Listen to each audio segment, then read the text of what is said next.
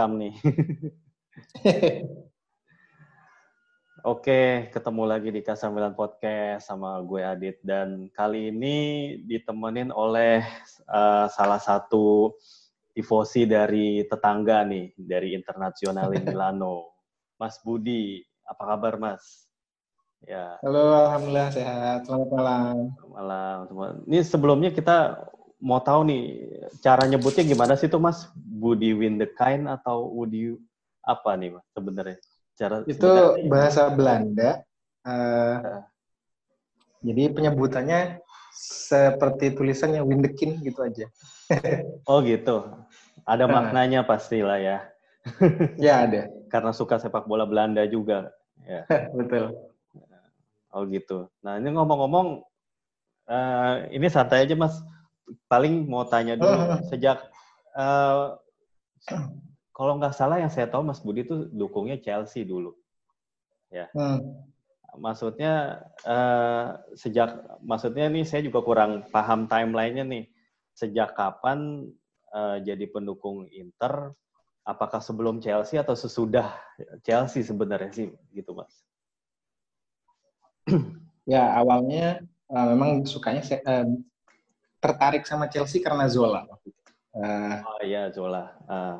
Ya, karena kebetulan waktu itu sekitar 97 98 uh, kan ada tayangan Liga Inggris di televisi nasional. Iya. Yeah, Nah, dari situ ini nomor 25 ini kok enak banget gitu mainnya. Jadi senangnya dari situ awalnya.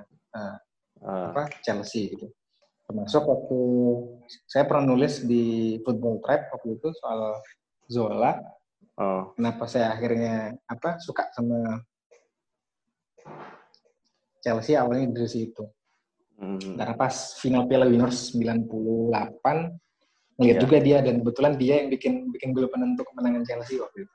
Dari situ sih akhirnya seneng gitu ngeliat Chelsea dan kebetulan saya suka warna biru. Ah. Ya sudah, klop aja.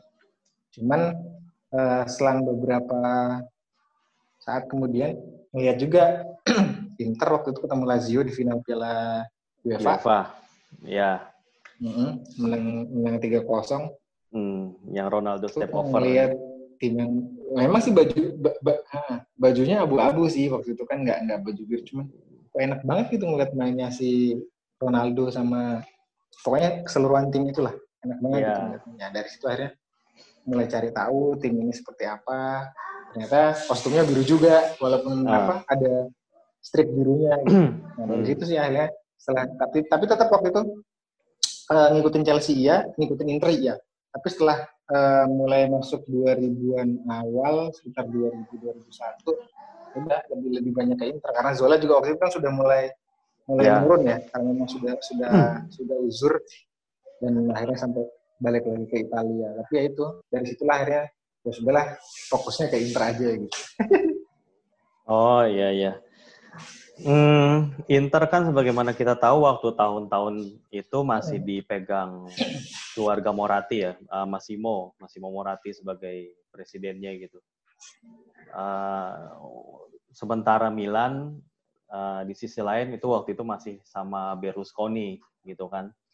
Nah dua dua keluarga ini kan bersaing bisa dibilang nih bersaing secara secara sehat sih sebenarnya kalau dilihat secara fair gitu ya.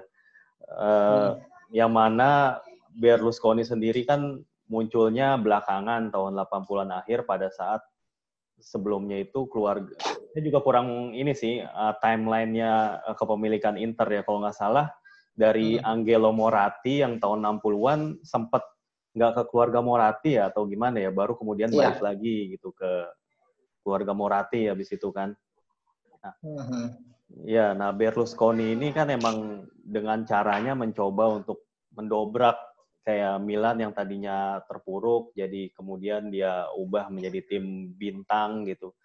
Lalu kemudian uh, pada saat itu juga ya ada sosok Presiden Moratti yang sebagaimana kita tahu juga sebenarnya mirip-mirip sih sama Berlusconi kebijakannya gitu, mengumpulkan pemain bintang gitu. Gimana Mas lihatnya dari Presiden Moratti waktu itu?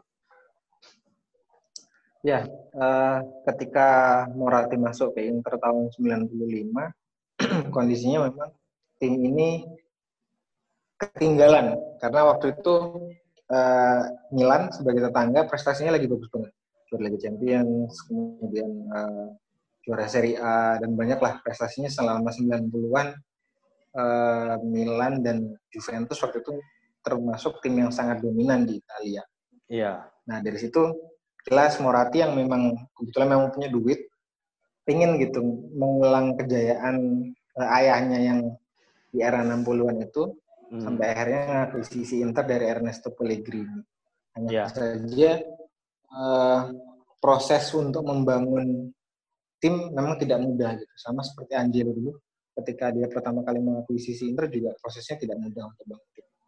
Yeah. Cuman ya bedanya memang ya persis dengan dengan Berlusconi yang banyak mengambil pemain-pemain bintang untuk direkrut ke Milan, Moratti coba untuk ngikutin gayanya gitu. Bahkan mm-hmm. kalau dibilang soal royal, Moratti jauh lebih royal dibandingkan uh, Berlusconi. Yang iya. membedakan yeah. dua sosok ini adalah Berlusconi ini uh, walaupun ambisius, tapi dia sangat percaya dengan proses bahwa apa setiap pelatih punya filosofinya sendiri, punya punya gayanya sendiri. Jadi dia tidak gampang memecat pelatih, tidak gampang uh, buang apa pemain-pemain andalan yang mungkin flop atau sejenis itu. Yeah. Bedanya Moratti itu nggak sabaran gitu. Mungkin dia persis dengan Mauro Zamparini ya di Palermo. Yeah. Uh, ada yang nggak beres sedikit dengan pelatih langsung pecat. Ya seperti kayak ceritanya Marcelo Lippi yang mungkin cuman yeah. kita sama-sama tahu di di era itu Lippi punya kapabilitas luar biasa sebagai pelatih tapi uh, usia kepelatihannya di Inter cuma berapa musim sih seperti itu gitu juga yeah. dengan nama-nama lain Hector Cooper juga walaupun tergolong nggak sukses-sukses banget tapi mm-hmm. cuma dua musiman Luigi Simoni yang bahkan nganter Inter juara Piala UEFA 98 musim berikutnya sudah di jadi uh, yang bikin apa Inter kenapa susah sekali bersaing dengan Juventus dan Milan pada saat itu ya salah satunya hmm. kelakuan Moratti sendiri. Uh, dia tipikal presiden yang sangat tidak sabaran. Jadi pengennya instan. Iya. Terus sama mungkin bedanya gini nggak sih mas sama Berlusconi? Ya Berlusconi itu hmm. punya uh, ya emang dia tuh sangat mencampuri justru ya urusan teknis hmm. tim gitu kan. Dia sering banget ngatur pelatih pelatihnya untuk mainin pola tertentu lah yang dia suka gitu tapi di situ dia juga memang mendukung dengan skuad yang emang emang pas gitu yang emang uh, sesuai sama keinginan dia. Dia tahu dia punya visi pengen klubnya main seperti ini dan dia beli pemain yang cocok. Nah ya, ini koreksi kalau saya keliru ya. Kalau Morati kelihatannya dia tuh beli pemain kadang-kadang nggak cocok dengan skema pelatihnya yang kayak gitu-gitu ya. Dan kadang-kadang juga pemain yang udah nggak cocok pun juga justru sebaliknya ya masih dipertahankan. Kayak contohnya anak anak hmm. kesayangannya Morati itu Alvaro Recoba gitu kayaknya Alvaro nggak cocok dengan beberapa pelatih tapi dia masih tetap iya. pertahankan yeah. kayak gitu-gitu berarti kayaknya Morati Betul. lebih lebih kuat sisi ininya ya emosionalnya gitu ya kalau pas dalam pada saat jadi pemilik gitu nah ya dari beberapa artikel yang pernah saya baca Morati ini juga sama seperti Berlusconi, tipikal yang sangat mencampuri urusan teknis banyak hal-hal teknis yang sebenarnya bukan bukan ranahnya dia dia ikut campur gitu. Soal siapa yang mesti diturunkan pemain mana yang mesti dimainkan seperti itu. Termasuk uh, bursa transfer pun kadang ya itu seperti yang Mas Adi bilang bahwa uh, Inter sering beli pemain yang sebetulnya tidak dibutuhkan pelatih gitu. Tapi yeah. lebih ke seleranya seleranya Morati oh si, uh, si Morati senangnya pemain ini. Jadinya itu yang didatangkan. Padahal mungkin itu tidak dibutuhkan tidak buti, uh, tidak dibutuhkan tim gitu. Jadi permasalahan ini memang sudah sangat sangat uh, terkenal ya di, di tubuh Inter ketika awal-awal Murati menjabat jadi ya hmm. itu juga akhirnya menghambat proses uh, pembangunan fondasi tim yang betul-betul sesuai dengan sistem sistem dari si si pelatih gitu. Karena ya itu tadi Morati pengennya si apa pemain A ternyata si pelatihnya senangnya lebih senangnya pemain B gitu dan akhirnya dengan dengan ketidaksinkronan ini pelatih jadi susah gitu menyesuaikan menyesuaikan apa iya. sistem yang yang dia percayai yaitu akibatnya Morati hmm. sendiri orang yang tidak sabaran akhirnya ganti pelatih ganti pelatih nanti rombak lagi sekuat selalu seperti itu dan itu terus iya. berulang dan kelihatannya kalau orang kepercayaannya Moratti itu siapa ya kalau Berlusconi itu kan sangat apa identik sama Adriano Galliani gitu sebagai tangan hmm. kanannya Galliani sama Ariedo Braida waktu itu sempat itu tiga serangkai hmm. itu yang menentukan uh, kebijakan Milan yang memang mereka saling mengisi gitu kalau di eranya Moratti, kalau, nggak salah yang paling saya ingat itu direkturnya itu Marco Branca ya, kalau nggak salah ya. ya. Uh. Ada Marco Branca, kemudian ada termasuk juga almarhum Giacinto Facchetti, ya, terus Uh, Gabriele Oriali juga. Oh, Ini ya. saja mungkin uh, ya itu tadi karakternya karakternya Moratti ini mau mengendalikan semua gitu walaupun dia punya yeah. Ya. uh, tangan kanan untuk setiap posisi dia masih ikut campur terlalu banyak gitu. mungkin bedanya itu antara dia dengan Berlusconi yang ketika dia sudah sangat percaya dengan Galliani ya sudah bahwa oh, itu sudah jadi jadi apa namanya uh, jadi haknya Galliani untuk mengatur ini dan dan itu gitu. sementara Moratti walaupun dia punya nama-nama seperti Oriali, Branca, kemudian Pacetti masih banyak hal yang mau dia ikut apa uh, ikut tangani juga gitu walaupun itu bukan ranahnya dia. Iya, uh, pada sebenarnya pas 90-an akhir itu skuad Inter sangat-sangat menakutkan waktu itu yang ada duet hmm. Ronaldo dan Vieri segala macam. Tapi memang sayangnya emang nggak pernah jadi Scudetto di periode itu justru ya. Uh, ya. Apa namanya? Tapi akhirnya pada akhir-akhir uh, dinastinya Moratti itu kan menuai hmm. ininya lah buahnya lah gitu terutama puncaknya treble 2010 itu kunci suksesnya tuh paling secara apa ya secara fundamental tuh apa yang jadi kunci sukses yang pada akhirnya treble yang diraih gitu setelah sekian lama puasa gelar kayak gitu ya termasuk salah satu kunci suksesnya hmm, squad yang diandalkan dalam rentang 2004 hingga 2010 itu uh, fondasinya sama. Misalkan Javier Zanetti, hmm. kemudian Julio Cesar, kemudian Esteban Cambiaso. Jadi uh, ada nama-nama yang memang sudah klik uh, sebagai yeah. sebagai uh, apa pilar utama gitu. Nah, Sementara yeah. nama-nama lain seperti Diego Milito, kemudian uh, Christian Cifu dan Walter uh. Samuel, atau bahkan Marco Materazzi itu seperti kepingan pelengkap saja gitu. Karena kuncinya itu tadi sudah ada di beberapa nama yang lain. Ya. Dan mm -hmm. itu memang salah satu uh, kunci keberhasilan, termasuk keberadaan seorang Jose Mourinho juga yang memang uh, mm -hmm. jadi sosok yang mampu membangun mentalitas tim yang yeah. sangat kuat awalnya memang dari Roberto Mancini dari hmm. Roberto Mancini baru kemudian ke Jose Mourinho hanya saja uh, tim ini dibangun fondasinya itu hitungannya telat dalam artian pemain-pemain ini tadi usianya sudah sudah hampir 30-an ke atas gitu baru baru yeah. apa baru menunjukkan kualitas terbaiknya gitu. Andai kata mungkin terjadi sebelum itu ya mungkin prestasi Inter bisa bisa datang lebih awal.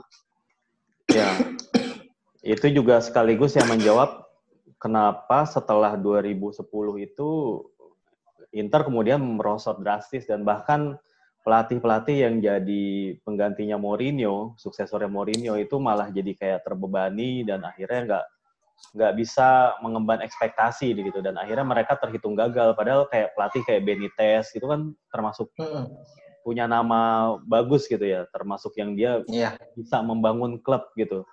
Jadi apa itu mungkin pengaruh dari yang yang tadi dibilang ya pemain-pemain yang usia 30 itu 30 ke atas gitu masih emang jadi apa namanya?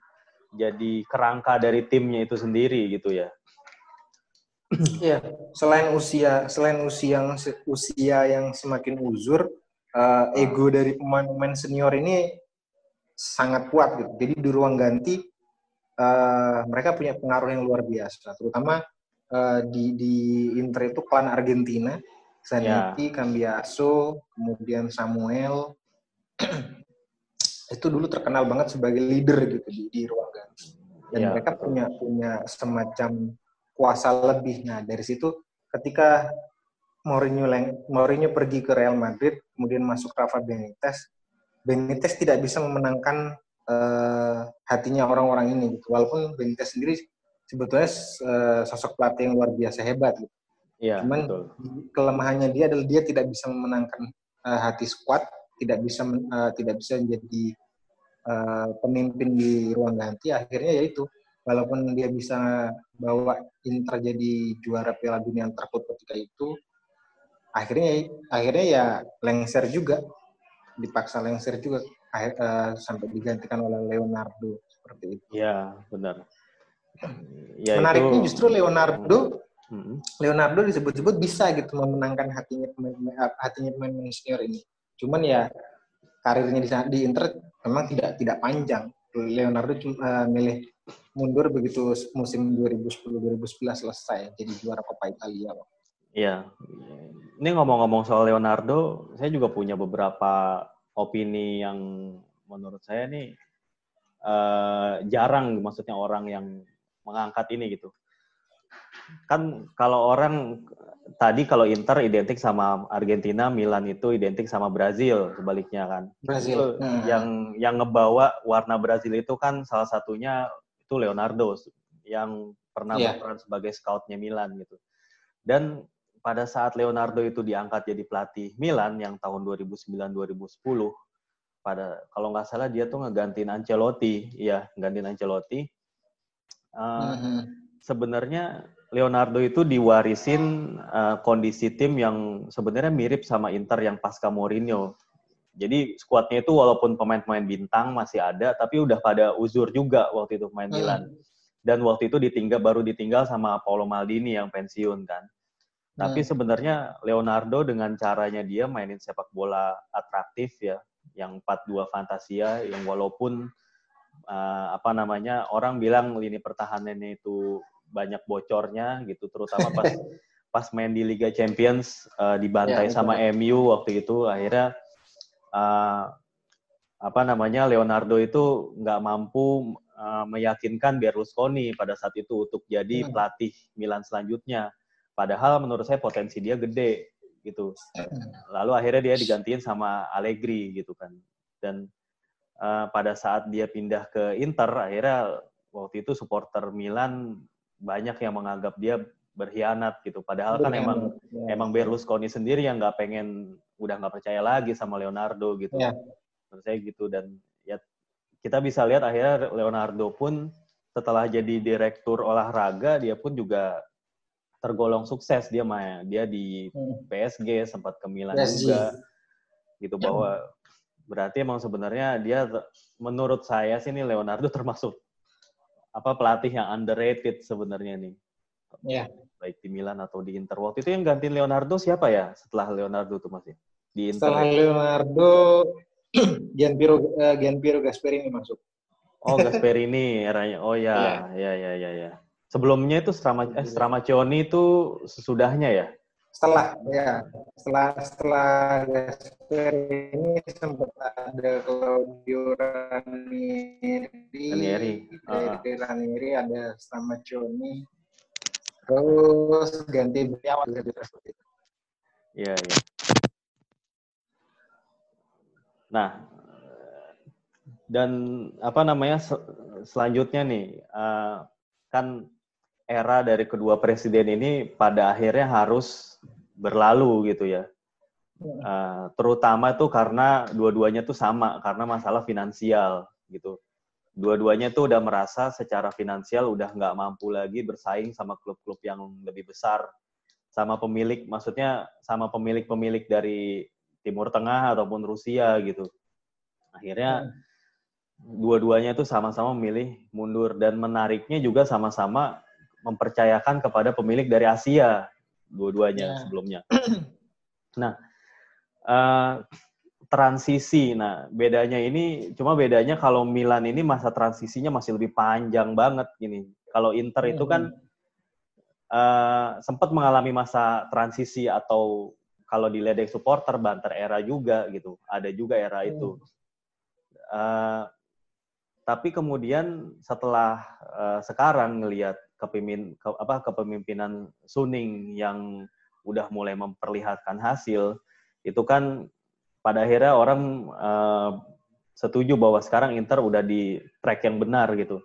Nah pada saat transisi itu, masa transisi itu, uh, apa ya kira-kira ya yang yang apa yang paling kesulitan yang benar-benar paling dirasain banget gitu sama skuadnya Inter pada saat masa transisi dari Morati sampai sekarang sampai ke sempat ke Pak Erick Thohir sampai kemudian ke, ke Suning itu kayak gimana mas dinamikanya di situ?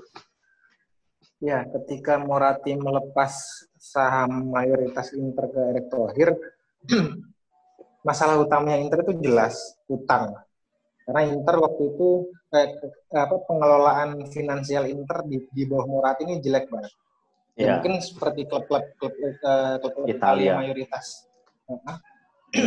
banyak banget yang bergantung pada uh, pen, apa keuangan dari si pemilik. Inter pun sama. Ketika Morati akhirnya melepas ke Tohir, itu utangnya numpuk banget. Bahkan ketika tim ini bisa meraih treble pun jumlah utangnya sangat luar biasa. Neraca keuangannya seperti yang pernah dirilis sama Swiss Ramble itu yeah. 100 juta lebih lah bahkan mungkin lebih uh, ya sekitar 100 jutaan itu sangat-sangat buruk untuk untuk kesebelasan yang sebetulnya prestasinya lagi bagi, uh, lagi bagus-bagusnya. Nah, ketika hmm. akhirnya Tohir megang tim ini, uh, kelihatan juga bahwa Tohir tidak tidak berfokus untuk membangun sebuah tim yang memang tangguh secara teknis, tapi yeah. dia lebih fokus bagaimana mengembalikan uh, tim ini supaya mampu menghidupi dirinya sendiri dengan lebih baik gitu.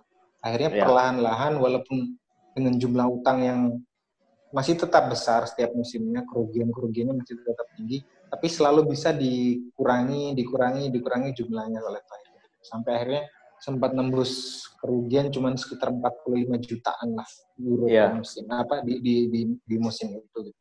Padahal sebelumnya selalu selalu di atas 100 juta bahkan 200 juta. Hmm. Nah sampai akhirnya dari Tohir sendiri uh, setelah cukup sukses dengan dengan dengan apa uh, memperbaiki situasi finansial Inter, akhirnya berani melepas uh, saham mayoritas ke Suning Group gitu. Kebetulan memang Suning memang sedang ber, berekspansi setelah uh, mereka juga lumayan lumayan punya nama di Cina. Mereka berekspansi ke uh, Italia dan kebetulan Inter yang yang jadi pilihan.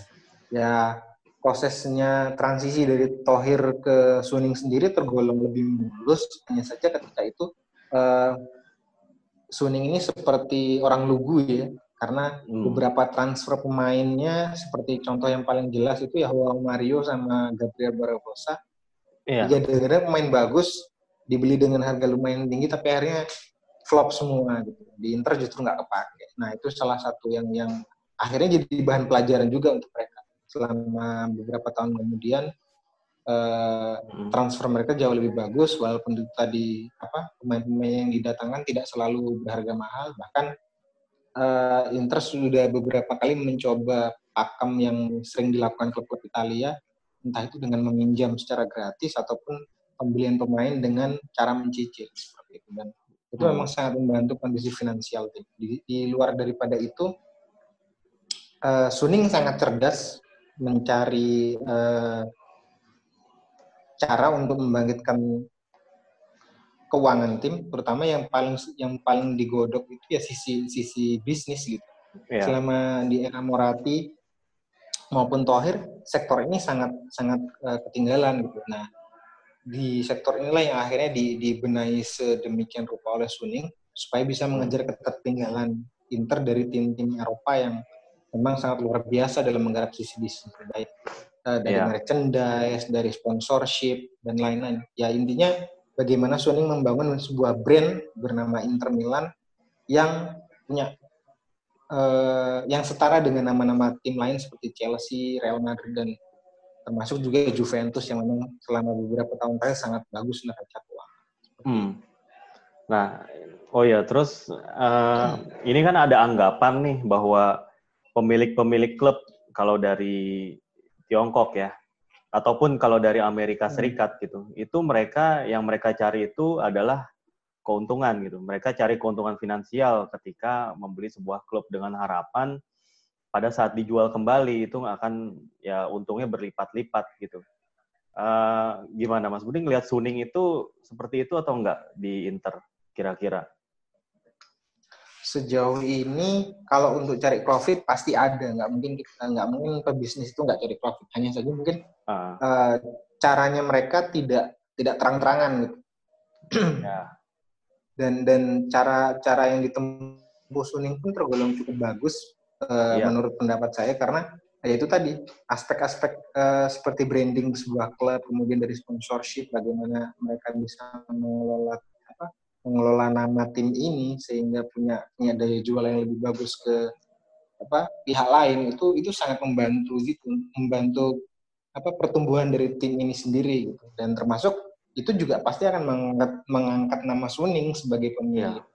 baik itu di di dunia sepak bola maupun di luar itu. Karena Suning sendiri sebagai konsorsium sudah sudah apa berusaha semaksimal mungkin untuk mengembangkan sayap bisnisnya di beberapa aspek gitu. tidak hanya di sepak bola karena mereka juga eh, bisnisnya banyak banget di di Cina sana termasuk dari penyedia alat rumah tangga real iya. estate yeah. dan lain-lain jadi ya ini ibaratnya sekalian aja gitu bisnisnya di, diekspansikan kemudian di, dikembangkan semaksimal mungkin. Jadi bagi saya pribadi untuk uh, Suning sendiri sejauh ini sudah sudah cukup bagus. Hanya saja mungkin mereka masih tergolong hati-hati karena memang uh, Inter sendiri belum 100% lepas dari pantauan UEFA terutama dari apa uh, financial fair iya. play. Ya Setuju. Ya, karena selama beberapa musim terakhir kan selalu terkendala di situ. Jadi ya langkah yang diambil Suning ini pelan, tapi menurut saya pasti gitu arahnya ke mana, tujuannya apa itu itu jelas kelihatan.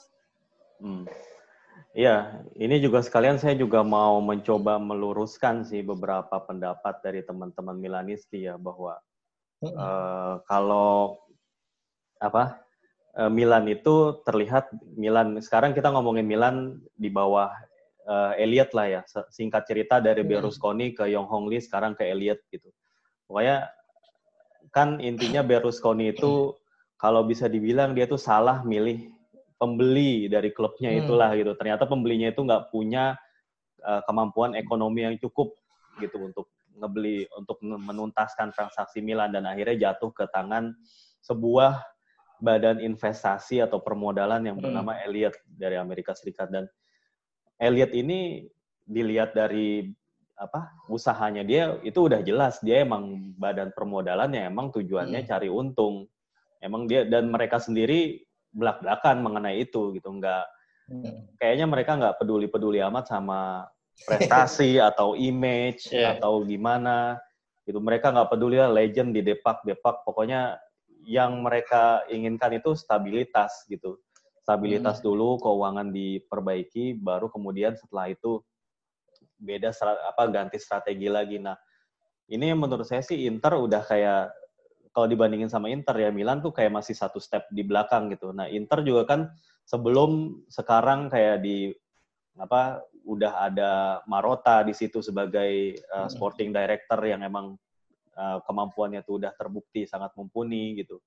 Terus begitu juga berhasil mengontak apa ngontrak pelatih sekali Antonio Conte itu kan sebenarnya itu kan nggak terjadi begitu aja gitu kan mas ya proses itu kan hmm. harus dilewatin juga gitu itu sih yang mesti di garis bawahi juga ya kalau kadang-kadang emang kalau uh, menyangkut klub besar klub maksudnya klub yang pernah punya sejarah besar seperti Milan dan Inter emang perlu dipahami step-stepnya itu untuk kayak bisa balik lagi ke awal gitu, balik lagi ke hmm. era kejayaan gitu.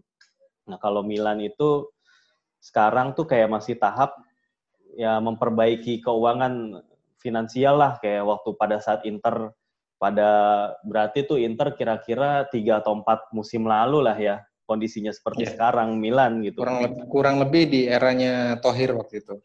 Iya, di eranya Tohir seperti itu toh kan emang nantinya Elliot juga udah dari awal bilang nantinya akan dijual, cuman hmm. perkara kapan dijualnya itu itu tergantung mereka gitu. Yang jelas setelah nilainya itu nilai klubnya atau value klubnya itu meningkat, mereka pasti akan jual dengan harga yang tinggi sehingga mereka dapat keuntungan. Hmm. Dari situlah setelah klubnya itu dijual, misalnya dibeli sama pengusaha lain gitu, baru berharap ya udahlah terserah mau pakai mau di hire lagi kayak legend-legendnya hmm. gitu, terus uh, apa namanya uh, beli pemain bintang, pelatih yang mahal itu baru deh uh, apa namanya terserah kayak gitu. Cuman emang yang perlu kita garis bawahi tingkat kesabaran supporter kayaknya memang agak-agak kurang ya baik di kedua tim ini ya. Iya nggak sih mas? Iya. Betul. betul Kayak banget. sekarang Inter juga menurut saya sih emang udah ada di track untuk um, perebutan Scudetto udah ada di track situ gitu. Tapi hmm. kalau untuk menjadi Scudetto kayaknya masih belum ya mas ya. Iya. Saya, saya pribadi juga uh, dengan dengan pembangunan squad yang dari utama semenjak uh, Spalletti megang itu yeah. arahnya sudah sudah semakin apa positif tuh bahwa Inter finishnya ke Liga Champions terus dari situ kan uh, ya secara tidak langsung dapat uh, fee yang lebih banyak ketika mereka bisa tampil ke Eropa. Iya betul. Dan semakin ke sini arahnya memang semakin jelas bahwa uh, Suning ingin tim ini jadi lebih lebih kompetitif gitu. Walaupun mungkin untuk membangun sebuah tim yang kompetitif tidak tidak semudah tidak semudah dulu gitu karena ya itu tadi ketika zaman zaman dulu uh, belum ada aturan-aturan seperti financial fair play dan lain-lain yeah. pemilik klub bisa bisa mengucurkan dana semaunya gitu. sementara sekarang banyak sekali batasan-batasan dan inilah yang yang coba disiasati gitu oleh oleh manajemen klub hmm. supaya Inter tetap bisa mendatangkan pemain dengan kualitas bagus tapi tanpa harus membuat neraca keuangannya itu jadi minus gitu dan ini yeah. memang salah satu cara yang terbaik gitu dibanding dengan dengan situasi Inter yang memang belum stabil secara keseluruhan. Ini hmm. merupakan cara yang paling paling aman gitu. Mungkin beda cerita dengan uh, Barcelona atau uh, Real Madrid yang memang walaupun mereka apa punya kerugian kerugian finansial yang besar setiap musim tapi kan secara tidak langsung mereka uh, brand mereka sebagai sebuah kesebelasan kan memang sudah sudah sangat sangat bagus gitu. Jadi ya tidak akan ada masalah karena sponsorship akan tetap datang, kemudian pemain-pemain bintang bisa datang hmm. kapan aja. Nah, iya. sementara yeah. dua dua Milan ini masih masih sedang membangun ini gitu. Mereka masih berusaha membangun uh, brand mereka sendiri sebagai sebuah kesebelasan yang kuat. Nah, dari situlah nanti plan ya itu harus pelan-pelan termasuk Inter sendiri kan ya seperti kayak beli Lukaku uh, yang dibeli secara cicil ke MU. Yeah. Itu iya. memang uh, strategi yang yang paling tepat untuk saat ini. Hmm. Oke, ini sekarang uh, kita lebih uh, ngomongin ke Serie A juga ya, Mas ya. Kan mm-hmm. belakangan ini ada berita besar tentang satu-satunya berita besar yang timbul sejak uh, era lockdown ini kan dibelinya mm-hmm. Newcastle United oleh uh, konsorsium dari Arab Saudi itu kan, mm-hmm. yang diwakili oleh salah satu perusahaan dari Dubai lah itu, yang akhirnya nantinya mereka akan jadi pengendali dengan kepemilikan 10%. Mm-hmm. Lalu kemudian ada juga rumor, saya juga baca tweetnya Profesor Simon Chadwick, itu dia bilang sekarang uh, konsorsium dari Arab Saudi juga dia melirik Olympic Marseille di Liga Prancis, hmm. gitu. Ya emang kalau apa ya itu sih saya melihatnya politis ya, mungkin agak politis hmm. karena antara Saudi dan juga Qatar yang ya terutama Qatar. Uh, apa namanya ya kera, kera, apa kerajaan Qatar yang ada di belakangnya PSG di Liga Prancis ataupun di apa namanya ya baik di apa Sheikh Mansur yang di Manchester City yang dari Dubai hmm. itu kan mereka tuh nggak apa ya kayak nggak sejalan dan kayaknya Arab Saudi tuh kayak ngerasa mereka perlu untuk ikut ambil bagian di dunia sepak bola yang notabene olahraga paling populer di dunia yang paling banyak ditonton orang gitu. Nah, Betul. Uh, kalau misalnya ngelihat ke Serie A nih, uh, kayaknya apa ya? Kenapa ya kalau kompetisi apa kompetisi Serie A itu kayak masih belum dilirik nih sama mereka-mereka itu ya? Hmm. Apakah nggak ada nggak ada mungkin apa nggak ada sisi kompetitif yang menarik gitu di kompetisi Serie A ya?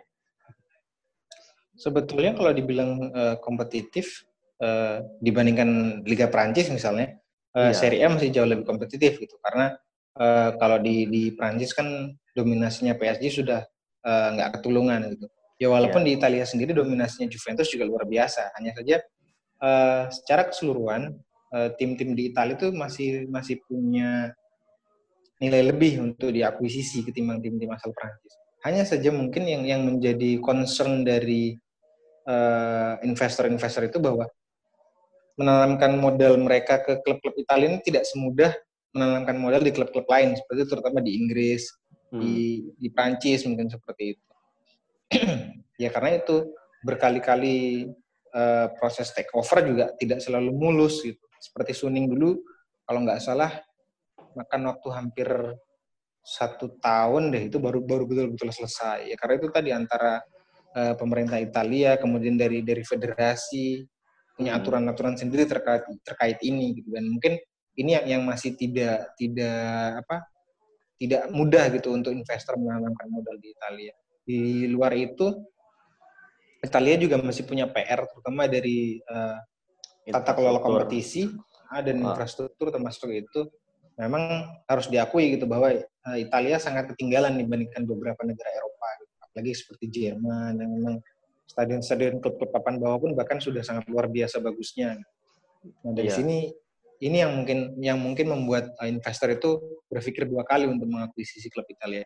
Seberapa besar uh, peluang bukan peluang ya maksudnya seberapa besar profit atau keuntungan yang mereka bisa dapat gitu. Nah, Andai kata sekarang uh, invest 100 juta dalam jangka hmm. waktu berapa lama nanti itu bisa kembali. Karena kan namanya investor itu pasti kan akan selalu berpikir tentang itu walaupun mungkin caranya untuk mendapatkan keuntungan itu tadi banyak bisa dengan cara memperkuat branding klub bisa dengan cara yeah. apa memperkuat sisi teknis klub seperti itu iya dan sebenarnya kalau dari sisi kepemilikan klub-klub Italia sampai sekarang masih lumayan banyak ya yang dimiliki oleh pengusaha lokal juga sebenarnya ya, kayak iya. kayak Atalanta, Sassuolo, kayak Udinese. Hmm. Itu kan juga termasuk Lazio gitu. Itu mereka walaupun udah mapan di Serie A tapi masih uh, dikuasai oleh pemilik pemilik dari lokal gitu dan iya. justru yeah. sebenarnya saya ngelihat di situasi yang sekarang ini nih uh, era lockdown ini mereka masih bisa bertahan karena ya sokongan dari si pengusaha atau pemilik itu gitu. Beda halnya dengan kompetisi Bundesliga yang waktu itu saya sempat kayak baca hmm. selentingan kalau kalau terlalu lama di stop nih Bundesliga itu lama-lama hmm. klubnya akan bangkrut karena emang Bundesliga itu hmm.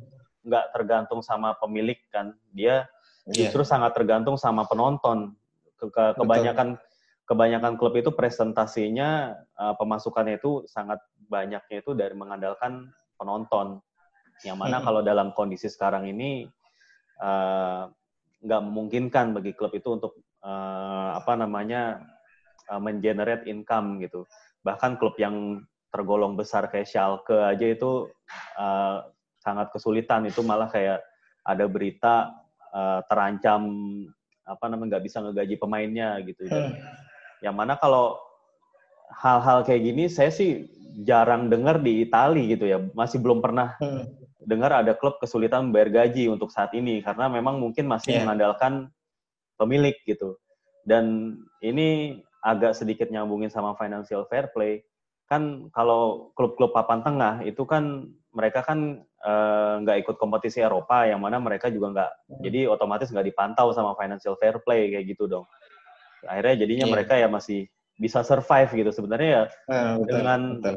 dengan tingkat ketahanan yang seperti ini ya kompetisi yang sistem tradisional kayak Serie A ini sebenarnya masih ada keuntungannya juga di saat-saat kritis kayak gini dan harusnya mungkin ngelihat situasi ngelihat sisi, sisi dari sisi itulah gitu sisi emosional sisi passion itu harusnya bagi pemilik-pemilik uh, lain dari maksudnya dari bagi pemilik-pemilik dari uh, Timur Tengah gitu atau oligarki hmm. dari Rusia yang mana mereka tuh kalau invest itu kan nggak kayak nggak mikirin keuntungan ya yang penting mereka tuh yeah.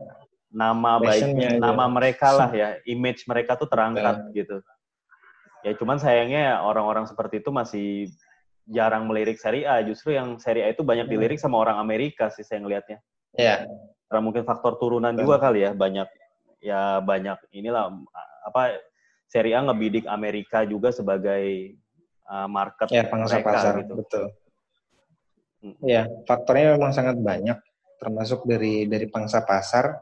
Ya, kita juga nggak bisa pungkiri bahwa uh, perkembangan Serie A ke depannya akan seperti apa juga bergantung sekali dengan dengan market gitu. Ya seperti contohnya kayak Suning dari Asia, kemudian Parma kan sempat juga uh, dimiliki ya.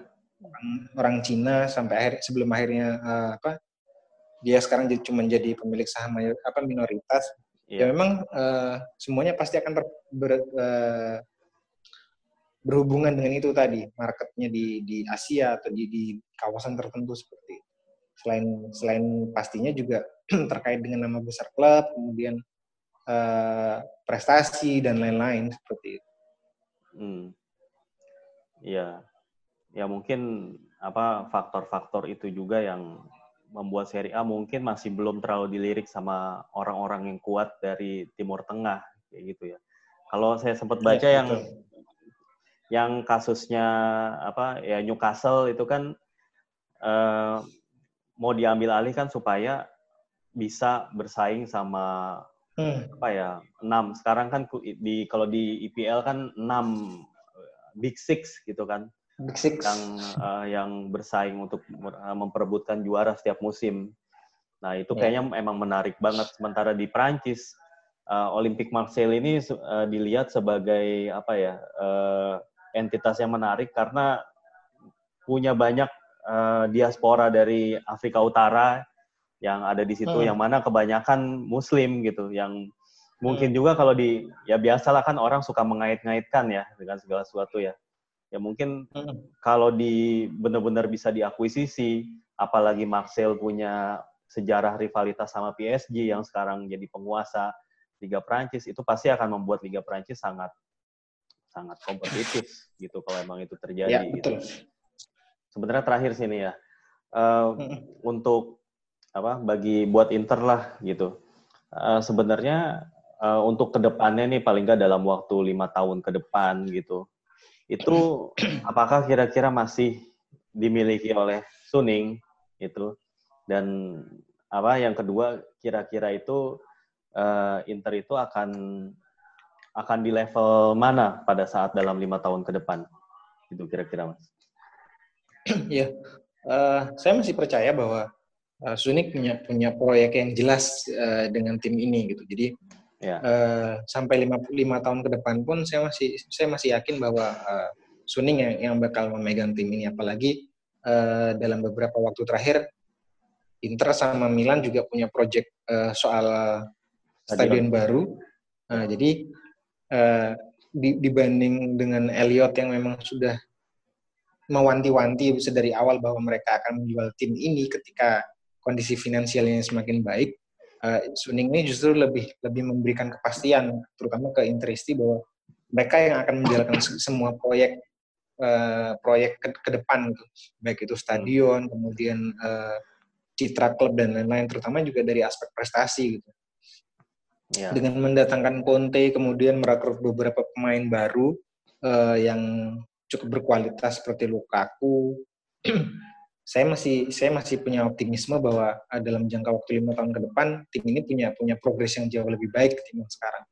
Ya mungkin secara kalau saya bilang Inter akan sedominan Juventus mungkin akan masih sangat berat karena Juventus sendiri masih sangat-sangat kuat. Tapi hmm. untuk jadi uh, tim yang uh, bisa bersaing dengan Juventus itu akan semakin besar kansnya, terutama ketika uh, mentalitas tim ini memang sudah betul-betul siap. Pun dengan materi pemain yang jauh lebih lebih baik ketimbang sekarang. Uh, mungkin dalam jangka waktu lima tahun ke depan untuk jadi Scudetto tidak akan sebanyak uh, Juventus yang yang sangat dominan. Misalkan sampai lima, lima, lima musim beruntun bisa mendapatkan satu atau dua saja sudah sangat bagus juga dengan uh, prestasi di ajang Coppa Italia terutama karena biasanya eh, tim-tim uh, sebuah tim itu bisa bisa semakin bagus ketika mereka juga bisa bisa berprestasi di ajang-ajang sekelas ini gitu, dari yeah. cup competition karena dari sinilah mereka nanti bisa memupuk uh, mentalitas yang semakin tangguh karakter yang semakin bagus dan juga uh, optimisme lebih kepada uh, untuk fans gitu. Jadi saya masih yakin uh, dengan dengan dengan apa pendekatan Suning yang memang bagi saya pribadi sudah cukup uh, mantap dan memang terarah gitu. Tim ini bisa bisa semakin baik untuk uh, lima, lima musim ke depan. Ya, uh, setuju sih. Nah, paling mungkin saya akan sedikit ngebandingin sama Milan gitu ya. Bahwa tadi hmm. yang sempat kita singgung juga bahwa Milan ini ada di kondisi Inter kira-kira tiga atau empat tahun lalu gitu ya. Dengan hmm. kondisi sedang fokusnya adalah memperbaiki kinerja finansial dan bahkan uh, rencana untuk mendatangkan seorang apa ya Ralf Ragnick ya nggak saya juga bingung nyebut dia itu apa ya dia bisa dibilang dia pelatih iya manajer iya sport director juga iya pokoknya intinya dia seorang uh, mungkin bisa dibilang ya konseptor atau apalah hmm. inovator sepak bola gitu ya. Itu uh, terlepas dari datangnya Ragnick itu menyingkirkan pemain apa uh, mantan pemain-pemain legenda yang jadi direktur Milan itu kayaknya emang pil pahit sih kalau saya bilang sih kalau dari sisi Milanisti ya.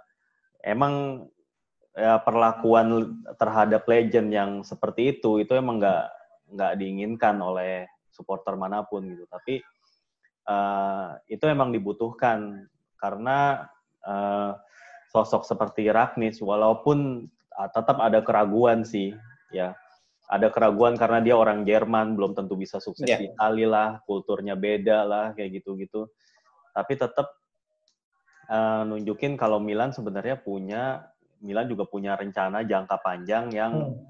patut ditunggu juga apalagi sebenarnya Milan pun uh, walaupun ya eh, nggak uh, punya pemain yang berkualitas bintang paling cuma Ibra aja gitu itu pun Ibra hmm. udah uzur gitu tapi paling enggak punya cukup banyak pemain-pemain muda yang potensial gitu.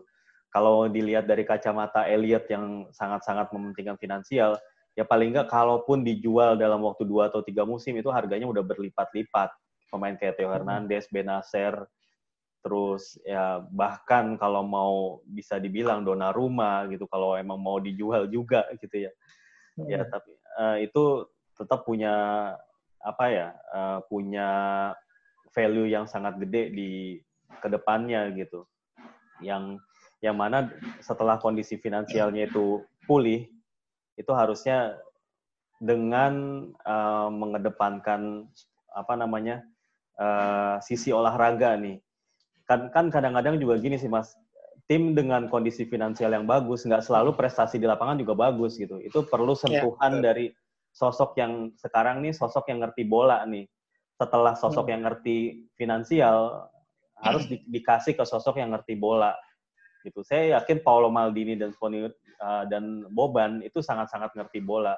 Cuman emang hmm. keberadaan mereka kayak nggak cocok aja sama apa uh, keadaan kondisi Milan saat ini di bawah Elliot gitu. Hmm. Ya mungkin uh, apa ya? nggak nggak bisa dibandingin juga ya. Kalau Zanetti di Inter itu kayaknya nggak seaktif Maldini atau Boban di Milan ya mas ya. Kayaknya sih ya kalau saya lihat.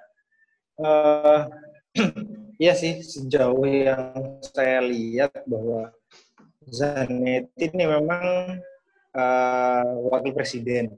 Iya. Cuman untuk beberapa case dia itu lebih ke seperti ambasador gitu sih. Jadi bukan bukan sosok yang sangat krusial untuk urusan teknis, kemudian sosok yang uh, punya wewenang banyak untuk mengurusi uh, banyak hal gitu. Jadi tidak banyak yang bilang Zanetti ini seperti uh, wajah saja gitu bahwa keberadaannya di, di, di sebagai wakil presiden itu hanya sebagai jembatan antara presiden klub dengan jajaran direksi maupun pemain gitu. Jadi dia ini hanya hanya seperti penyambung lidah. Tapi untuk urusan teknis, kemudian urusan uh, branding klub dan lain-lain, sepertinya hmm. uh, perannya tidak terlalu besar gitu.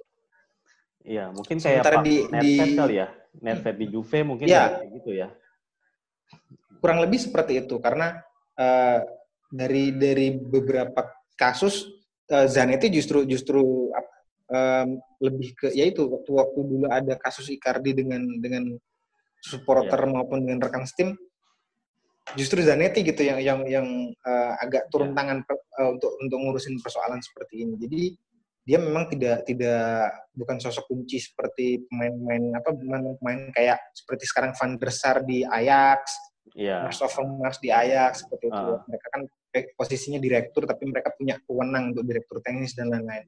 Jadi Zanetti uh. ini lebih ke seperti itu tadi sih jembatan saja antara manajemen dengan dengan pemain.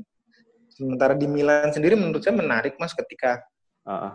Uh, ada ada rumor teng tentang Ralf Rangnick ini. Uh, Rangnick memang bukan orang uh, yang mungkin paham kultur Italia ya, karena memang yeah. dia asli Jerman.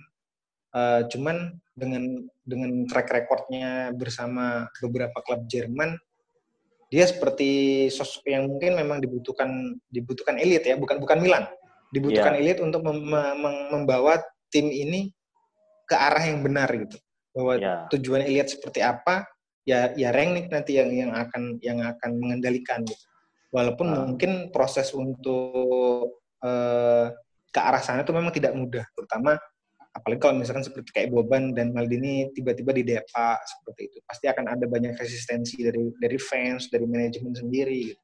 cuman yeah dari dari gelagatnya sih kelihatannya seperti itu gitu. Jadi Elliot ini inginnya ranking nanti yang jadi jadi tangan kanannya lah untuk mengarahkan Milan sesuai dengan keinginan mereka. Iya. Jadi ya balik lagi ini menurut saya sih ada. Ada dua sisi sih ya eh, kepemimpinan hmm. Elliot di Milan. Emang sisi yang kebanyakan terlihat itu kan uh, Elliot ini cuma mau cari untung gitu atau dan nggak peduli sama legend nggak peduli sama sejarah klub lah nggak peduli sama fans gitu ya hmm. tapi di lain sisi ketika ya harapannya sih ya ketika Elliot pada akhirnya ngejual Milan itu dalam kondisi finansial yang sehat pemain-pemain hmm. yang masih diperkuat oleh pemain-pemain yang relatif masih muda gitu dan apa namanya uh, ya paling enggak kalau secara prestasi ya memang belum ada, belum ada trofi yang mungkin akan datang, tapi paling enggak uh, stabil lah gitu untuk lolos hmm. ke Eropa tiap musimnya gitu, entah hmm. itu hmm, Liga hmm. Eropa ataupun uh, Champions itu yang paling utama hmm. kan. Mungkin yang kadang-kadang terlihat konyol kalau di mata saya sih sebagai supporter, ya dengan kondisi kayak gini masih uh, di media gembar-gembornya target Champions, Champions terus gitu. Hmm. Ya otomatis hmm. kan itu kan juga akhirnya kebawa ke supporter juga. Oh ini tim ternyata yeah. emang mau lo, uh, punya ambisi lolos ke Liga Champions nih. Padahal sebenarnya belum waktunya, masih jauh banget gitu mm -hmm. kalau saya bilang.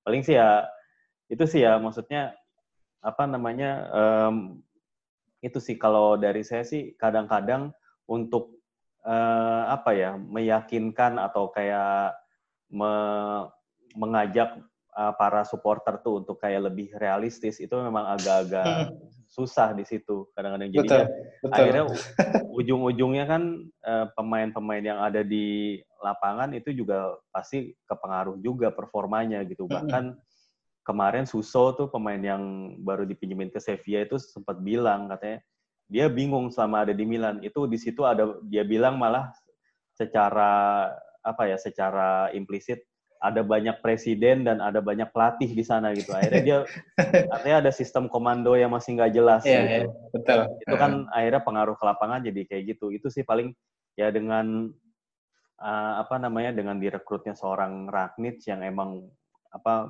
punya kemampuan untuk ngeracik tim dan juga uh, apa namanya ngebawa pemain-pemain muda yang nurut-nurut aja gitu, yang nggak banyak bertingkah hmm. gitu.